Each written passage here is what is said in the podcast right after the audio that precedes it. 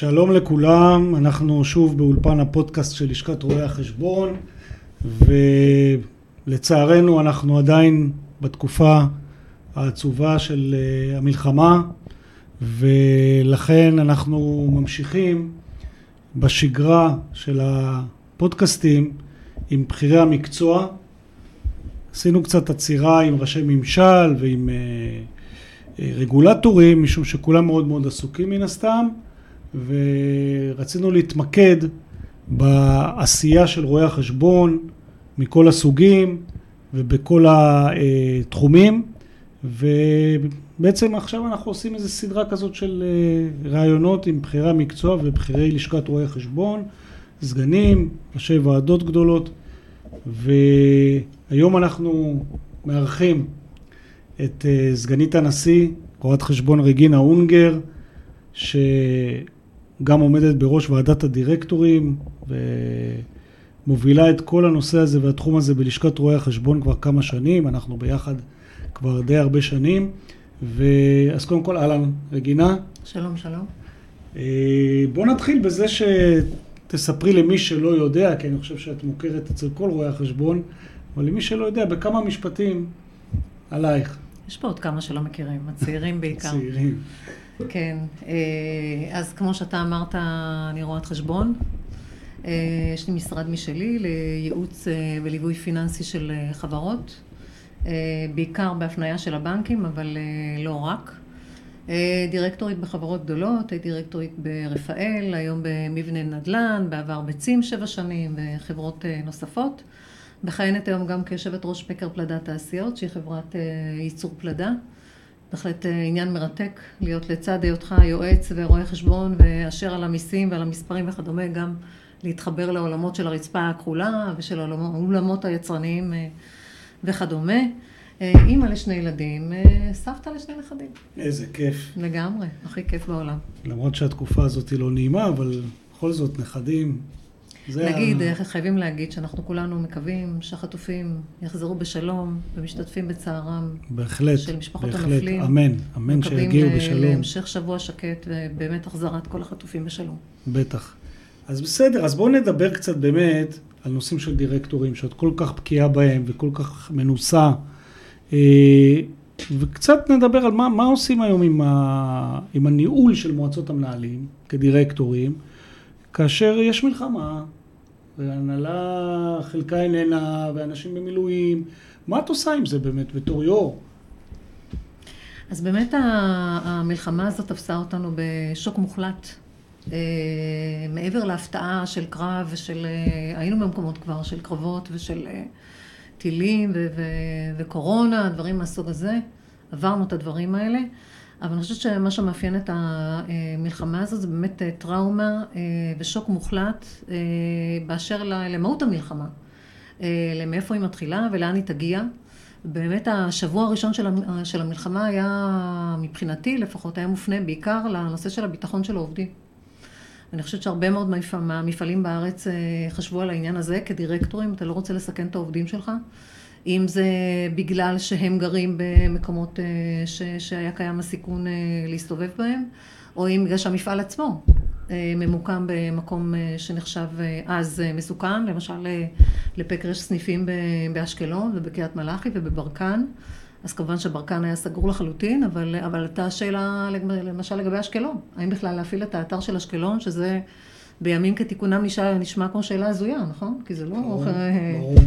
קרוב, קרוב אה, נכון. מאוד לגבול, ופתאום אתה מבין שזה כן קרוב לגבול, ולמשל אה, יומיים אחרי תחילת המלחמה, אחת מחוליות המחבלים שנתפסו, הייתה ממש ברחוב שבו המפעל אה, כן. ממוקם. אז השבוע הראשון היה שבוע של להבין איך, איך, איך דואגים לביטחון העובדים. ומרגע שהבנו שצריך לחזור לתפקד, ואני חושבת שככה כל המשק הגיע למסקנה שלאט לאט צריך להתאים את צורת העבודה לסיטואציה הקיימת. אז אני חושבת שכמו שאצלנו, גם בכל דירקטוריון אחר, היה צריך בעצם לאתר את נושא הביקושים, האם יש ביקוש למוצרים של החברה, אה, האם יש טעם לחזור לעבודה, אצלנו התשובה הייתה חיובית, ואז איך חוזרים לעבודה? איזה כוח עבודה, כוח עבודה יש, איזה כוח עבודה אין. זה לא רק מילואים, זה גם עובדים זרים, זה גם פלסטינאים שרוב המעסיקים אה, אה, משתמשים בהם. והדבר הזה משתנה. מה שקרה בעצם במלחמה הזאת, זה שלאורך השבוע, השבועות, גם כמות העובדים הישראלים שחזרה לעבוד הלכה וגדלה מצד אחד, מצד שני הבנת מה לא ישתנה. איזה עובדים לא תוכל להעסיק, איזה עובדים זרים לא יהיו קיימים, ולמשל בפקר המנכ"ל הוא במילואים מהיום הראשון. אז מי אה, אה, יעזור לתפקוד ומי לא. אה, ואני חושבת שזה סוג של עבודה אה, אה, נושמת, עבודה רציפה של דירקטוריון באשר הוא, מכיוון שאין תעשייה בישראל או מסחר בישראל או שירותים בישראל mm-hmm. או ענף פיננסי כן. בישראל שלא הושפע מזה, אני חושבת שכל אחד מהגופים האלה של הדירקטוריונים האלה צריך להקים גוף חושב, גוף שמתנהל באופן שוטף לצד ההנהלה, שמקבל את ההחלטות האד-הוקיות, מה לעשות לאור בעצם קיומו של המצב המאוד מוזר הזה. אני למשל יושב בדירקטוריון של חברת מס"ב, שירותי בנקאות אוטומטיים, ובאמת, אה, קודם כל, הגברנו את אה, כמות הישיבות, mm-hmm. והישיבה מתחילה עם סקירה של המנכ"לית, נכון. על המצב, ובאמת זה, כל פעם הסקירה משתנה, המצב הוא כל כך נזיל עכשיו, יום לא דומה למשנהו, ואני חושב שההנהלות בעצם מצפות היום שהדירקטוריון יתפוס את המושכות ו... וינחה יותר אה, הדוק, מה שאנחנו בדרך כלל נותנים להנהלה טובה לעבוד. רוצים לשמוע מה הדירקטורים אומרים. נכון, את מרגישה אני, את זה? נכון, אני לא חושבת שהוא יתפוס את המושכות, זה לא הרצון של מנכ"ל, אבל אני חושבת שכן אה, הנהלה רוצה בתקופה הזאת גיבוי. כן. וחשיבה משותפת. אה, ועזרה אמיתית. מכיוון שהאתגרים הם, הם, כמו שאתה אומר, משתנים כל יום. ובהרבה מהדירקטורים יושבים אנשים שבאים מכל מיני דיסציפלינות, דיסציפלינות וצורות חשיבה שונות, והם יכולים לעזור ביומיום. אז אם זה, סתם אני אתן לך אתגר מהימים אה, האחרונים בתעשיית הפלדה בישראל, שכל הסחורה, כל חומרי הגלם מגיעים מחו"ל, כן. אז אה, האוניות פתאום התחילו לדבר על היטלי מלחמה. לא יודעת אם קראת על הדבר הזה בעיתונות, שזה כמובן אה, מעלה את העלות לטון, כן, ואמור כן, להתגלגל כן. ללקוחות, והם איימו בעצם שאנחנו לא נקבל את הסחורה וכדומה. ואז בעצם התכנסנו, גם הדירקטורים של החברות, ובעצם אמרנו מי בעצם יפעל מול בעלי. האוניות האלה, כן. כדי להסביר להם שזה לא יקרה, אנחנו לא נשלם את ההיטל, אין סיבה. כרגע אין שום סיבה, יש, יש גם כאלה שלא רצו בכלל להגיע, לא? נכון, לישראל. נכון. אז זה מסוג הדברים שאתה צריך לטפל בהם אה, ברמה המיידית, כן. ברמה אה, נכון. היומיומית. אה, או אפילו הנושא הזה של פגיעות ברכוש, אתה יודע, באשקלון נפלו טילים. כן. לתוך המפעלים. יש לכם פגיעות ממש... כן, לתוך המפעלים. לתוך המפעלים, פגיעות בגגות, פגיעות בחדרים כן, כן. וכדומה. כן. ואז אתה נדרש בעצם להחליט אה, באופן אה, מיידי, מה אתה עושה? הרי המדינה עד שהיא נותנת לך פיצוי... ייקח זמן. הזמן... כן. האם אתה מצמצם את מקומות עבודה ואתה עובד בשטח אחר? האם אתה מתקן על חשבונך? זה סוג של החלטות שמנכ"ל ביום יום, והם מיליונים. זה לא כסף ברור. קטן ש... שמחר בבוקר אתה תוכל אה, אה, אה, להפוך אותו. מצד שני, תראה, יש המון שלילה, ברור, זה מצב נוראי ובאמת קשה, הדעת לא תופסת מצד אחד. מצד שני, כמו שבקורונה היו הזדמנויות, גם במצב הזה, כל מפעל וכל תעשייה וכל ארגון צריך לחשוב איזה מקומות שבהם הוא יכול מצד אחד לתרום יותר חברתית, מצד שני כן, להתפתח. לא, כן. אה, ולמשל אה, מפעל נרלט, חברת נרלט, פרסמה לפני אה, יומיים, שהיא קנתה חברה אחרת. כן. לייצור, מכיוון שנרלט המפעל הרי ממוקם בניר עוז והושמד כליל. כן. ולבנות אותו, לבנות אותו ייקח תקופה ארוכה וגם אי אפשר להתחיל בבנייה שלו כל עוד מצב הלחימה נמשך. ובעצם ההזדמנות שלהם למצוא מפעל, נדמה לי שהוא בעמק חפר, אה, שיחליף את, אה, את אה, מתחם הייצור שיש, שיש להם כרגע, כנראה במחיר שהוא מחיר מלחמתי. כן. זה דוגמה זה, יפה. זה, זה דוגמה מצוינת. נכון, לניצול הזדמנויות. אז גם זה, אתה יודע, המנכ"ל... או מי שמנהל את העסקים באותו, אה, באותו זמן שוטף, הוא עסוק בלפתור את הבעיות היומיומיות. נכון, בלסתום את החורים נכון. היומיומיים, מי לא הגיע, מי במילואים, אה, אה, ביקוש שלא התקבל, או לקוח כן, שרוצה משהו כן. התפקיד של הדירקטוריון זה טיפה להרים את עצמו מעל זה ולחשוב מה אפשר לעשות. מה אפשר לעשות כדי לעזור, מה אפשר לעשות בצורה של הזדמנויות, מה אפשר לעשות בצורה של אה, אה, ניהול, נקרא לזה, ההוצאות. התאמת ההוצאות להכנסות, יש הרבה מאוד דברים שדירקטורים יכול לעזור רגע, אז בואי שנייה, אם דיברנו פה על, על מצוקות כוח אדם, כן. התנהלות שות, יומיומית, והאתגרים המשמעותיים שגם אני שומע עליהם הרבה, זה הנושא של תזרים. נכון. והנושא של מימון. נכון. אה, מה, מה את מכירה, מה את יודעת לספר לנו על מה שקורה עכשיו עם זה? תראו, אני חושבת, גם בהרצאות שאני נותנת, לא אמרתי שאני גם מרצה, אבל גם בהרצאות שאני נותנת, אני אומרת את זה, שמי שמעורב בעסקים, כבעלים, כנושא משרה, כדירקטור, מה שזה לא יהיה, הדוח שהוא צריך להכיר הכי טוב זה דוח תזרים. נכון. גם בימי מלחמה וגם בימי שלום. בייחוד בימי מלחמה. ומי ש... מה שנקרא נמלה, שעמלה על העניין הזה באופן שוטף ונכנסה למקום הזה מוכנה, צריכה להתאמץ פחות, לעומת עסקים אחרים שאולי גם לא הייתה להם ברירה, כן? אבל הגיעו פחות אה, דשנים לכל כן. הסיטואציה הזאת. ו... ואני אומרת, גם ביום-יום שלנו, בחברה שלנו, לא, המטרה היא לא למכור יותר. המטרה היא לשמור על התזרים. המטרה היא לגבות. המטרה היא לראות איך מקצצים בתזרים השלילי.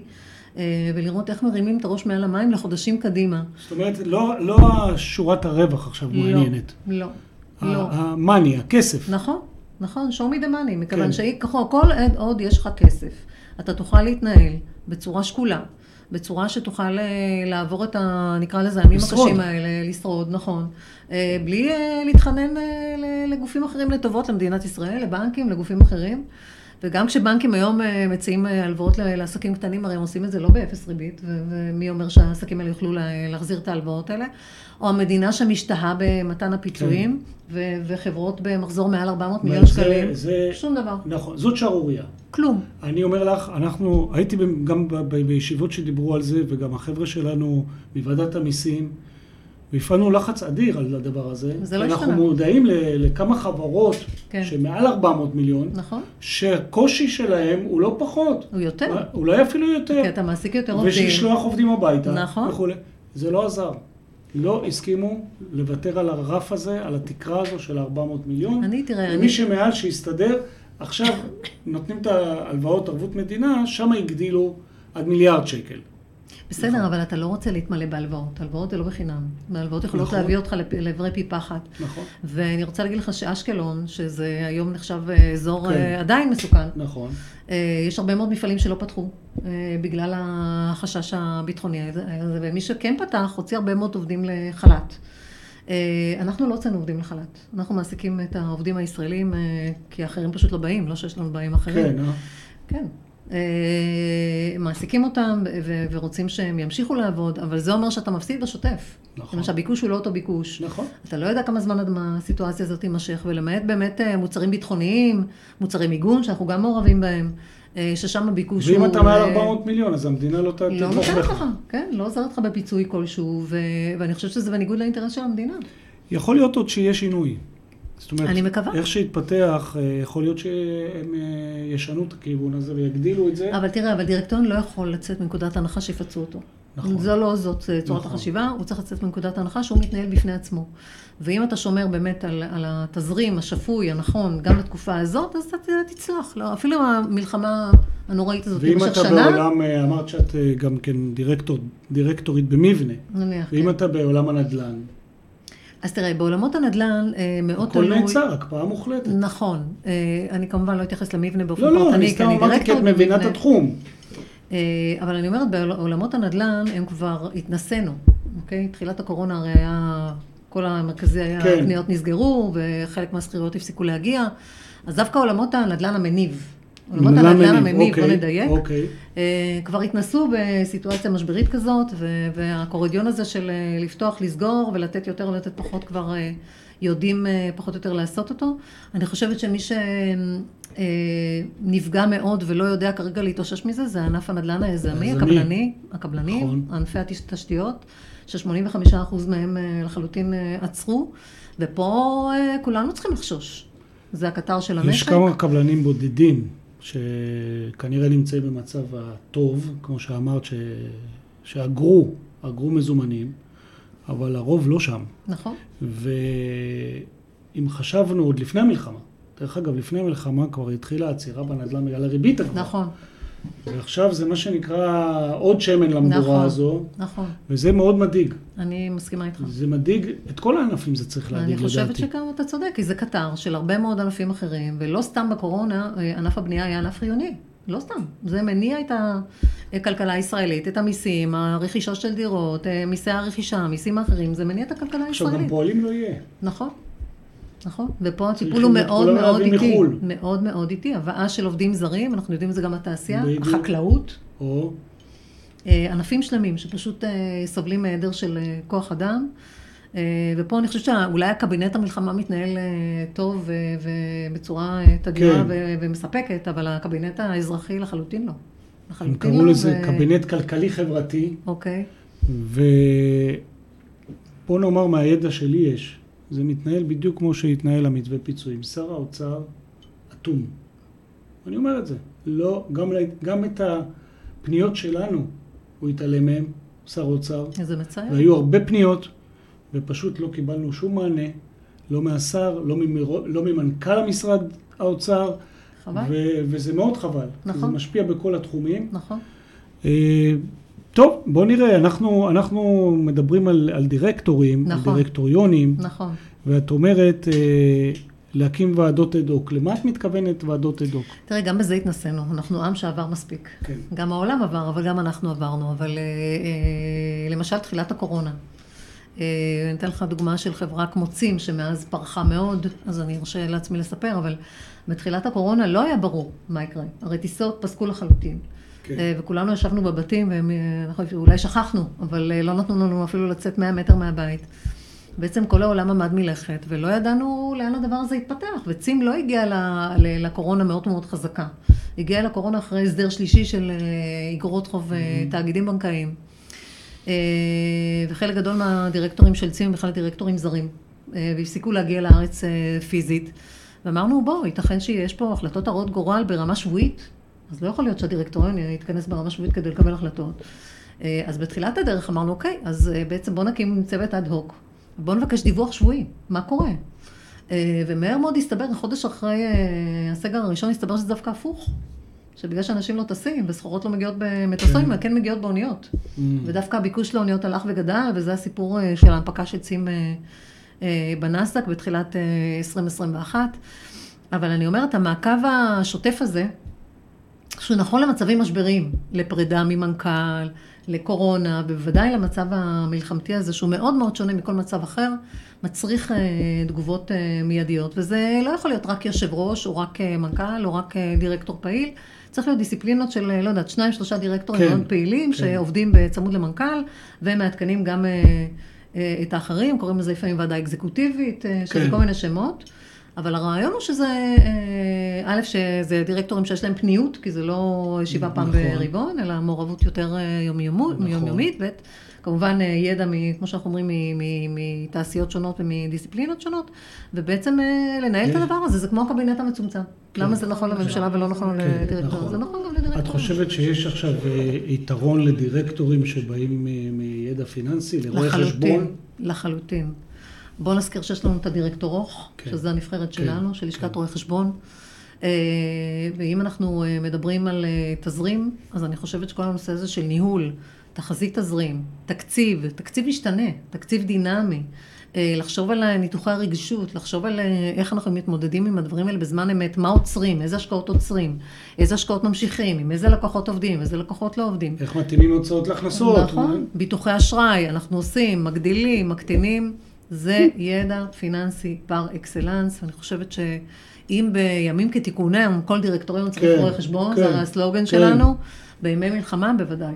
זה מקבל משנה אה, תוקף. רואה- משנה תוקף, רואי חשבון מנוסים, שעברו כמה דברים בחיים שלהם, שיודעים לנהל משברים, שאולי גם עברו, אה, אתה יודע, היו חלקים של ייעוץ בתהליכי חדלות פירעון, בתהליכי כן, כינוס אנשים נכסים. יש להם ניסיון, מביאים ניסיון. כדי למנוע את ההגעה למצב הזה, אתה צריך תראי, לדעת. אנחנו, אנחנו ב... ניסינו, אם את זוכרת, כבר בהתחלה לעבוד, לנסות לדחוף את העניין הזה של חובה של רואה חשבון בדירקטוריון. נכון. אני חייב להודות שאז היו לי פגישות עם אה, מנהלת רשות אה, ניירות ערך הקודמת, כן, והיא לא. תמכה בזה, כן, היא לא דחפה את זה. נכון. אנחנו, אנחנו ננסה להתחיל לעשות את המאמץ הזה מחדש, יש יו"ר, יו"ר חדש ברשות ניירות ערך, אולי יותר פתוח לעניין, אולי גם, לא נעים לומר, אבל תקופה כזאת היא אולי מחדדת נכון. את זה הצורך. שצריך, ואי אפשר להסתפק באיזה מומחה פיננסי, כי הוא היה מנהל סניף בנק, ואין לזלזל באף אחד, אבל הוא לא רואה חשבון, נכון. אין לו את הכלים, אז, אה, אז זה אני אתה גם מבטיח צריך שאנחנו... להבין את ההשלכה על הדוחות הכספיים, אנחנו כל הזמן מדברים על כן, תזרים, אבל כן. חברות ציבוריות יש גם את העניין של הדיווח. נכון. והמלחמה תופסת אותנו ברבעון. באמצע הנפילה, אתה לא יודע מה יהיה. האי ודאויות האלה מאוד מאוד גדולות. אתה צריך לדעת מה לדווח, איזה סוג של גילוי לתת. מצד אחד אתה לא רוצה להפחית את המשקיעים יתר למידה, מצד שני אתה חייב לתת גילוי נאות. ופה חייב להיות ידע חשבונאי, ידע נכון. אמיתי, ניסיון, סביב השולחן, כדי לתת מה שנקרא אור השמש מחטא הכל. לתת את Mhm. הגילוי הנכון לסיטואציה הנוכחית, מה עושים עם מערכות השווי, מה עושים עם אימפרמנטים, זה אלף שאלות. ועכשיו רציתי ככה לקראת סיום, שתגידי כמה מילים בשביל טובת המאזינות אוקיי. שרוצות ללמוד ממך ולקבל טיפ או שתיים לגבי נשים שרוצות לעשות קריירה בראיית חשבון ורוצות להצליח ולהגיע למה שאת הגעת והן אה, לא יודעות איך עושים את זה כי יש להן משפחה גם לגדל. להגיע יותר ממני. קודם כל, אני שמחה מאוד שהעלית את הנושא הזה, כי גם בימים האלה, כשיש לוחמות, אה, מה שנקרא, אמיצות ועזות, וראינו את האומץ שלהם במלחמה הזאת יותר מאשר במקומות אחרים, עדיין אין שוויון בישראל. אה, מקבלי החלטות, אה, רובם גברים. גם סביב שולחן הדירקטוריון, במקרה הטוב, יהיו שתי דירקטוריות מתוך שבעה, שמונה או תשעה. אה, ואנחנו יודעים ששיעור הדירקטורים בדירקטוריות, סליחה, בחברות הציבוריות, 28 אחוזים, 26, 30 אחוזים, הוא לא עובר, הוא לא חוצה את הרף הזה, ורובו ככולו מושפע מזה שחייבים אחת, אוקיי? Mm. כי החוב אה, מחייב, אה, החוק מחייב מינוי של אחת, וזה מצב שחייב להשתנות. אז לצד זה שאנחנו נפעל לזה שיהיה רואה חשבון בכל דירקטוריון, אנחנו צריכים לפעול שיהיה לפחות 40 אחוז נשים סביב אה, שולחן, שולחן כמו הדירקטוריון. שמקובל במדינות אה, מובילות. מתוקנות אחרות לגמרי, אה, וזה דבר שאפשר להשיג אותו רק בחקיקה. מסתבר שההטמעה המאוד מאוד איטית, הטבעית הזאת לא מתרחשת. אה, האקטיביזם המוסדי לא מספיק פעיל, הוא Mhm. פעיל בחברות ללא גרעין שליטה, אבל פחות בחברות אה, נשלטות, והתוצאה היא שעדיין אה, נשים הן אה, מיעוט סביב שולחן מקבלי החלטות. עכשיו, אני מבית, זה הרי כולנו, זה חינוך מבית, חונכתי שאין הבדל. שאין הבדל בין נשים אה, לגברים. אה, אה, יש לי שני אחים, אנחנו שלושה, ואבא שלי, זיכרונו לברכה, תמיד היה אומר שיש לו שלושה בנים. ככה הוא אומר. כן, אז כן. זאת הייתה גישתו לחיים. כן. וככה אני גודלתי, אני לא, לא, לא הכרתי את העניין הזה בכלל של הבחנה, של פחות, של יותר, של אחרת, עד שבעצם באמת יצאתי לעולם העסקי ונתקלתי בתופעות האלה של... אה, שמדי קיימות. גבר אישה. כן, שלא ברור בכלל למה יש את ההבדל הזה, והעצה הכי טובה שאני יכולה לתת. למי שרוצה ללמוד, א', אה, ללמוד חשבונאות, אה, זה כלי, זה שפה, זה לא רק מקצוע.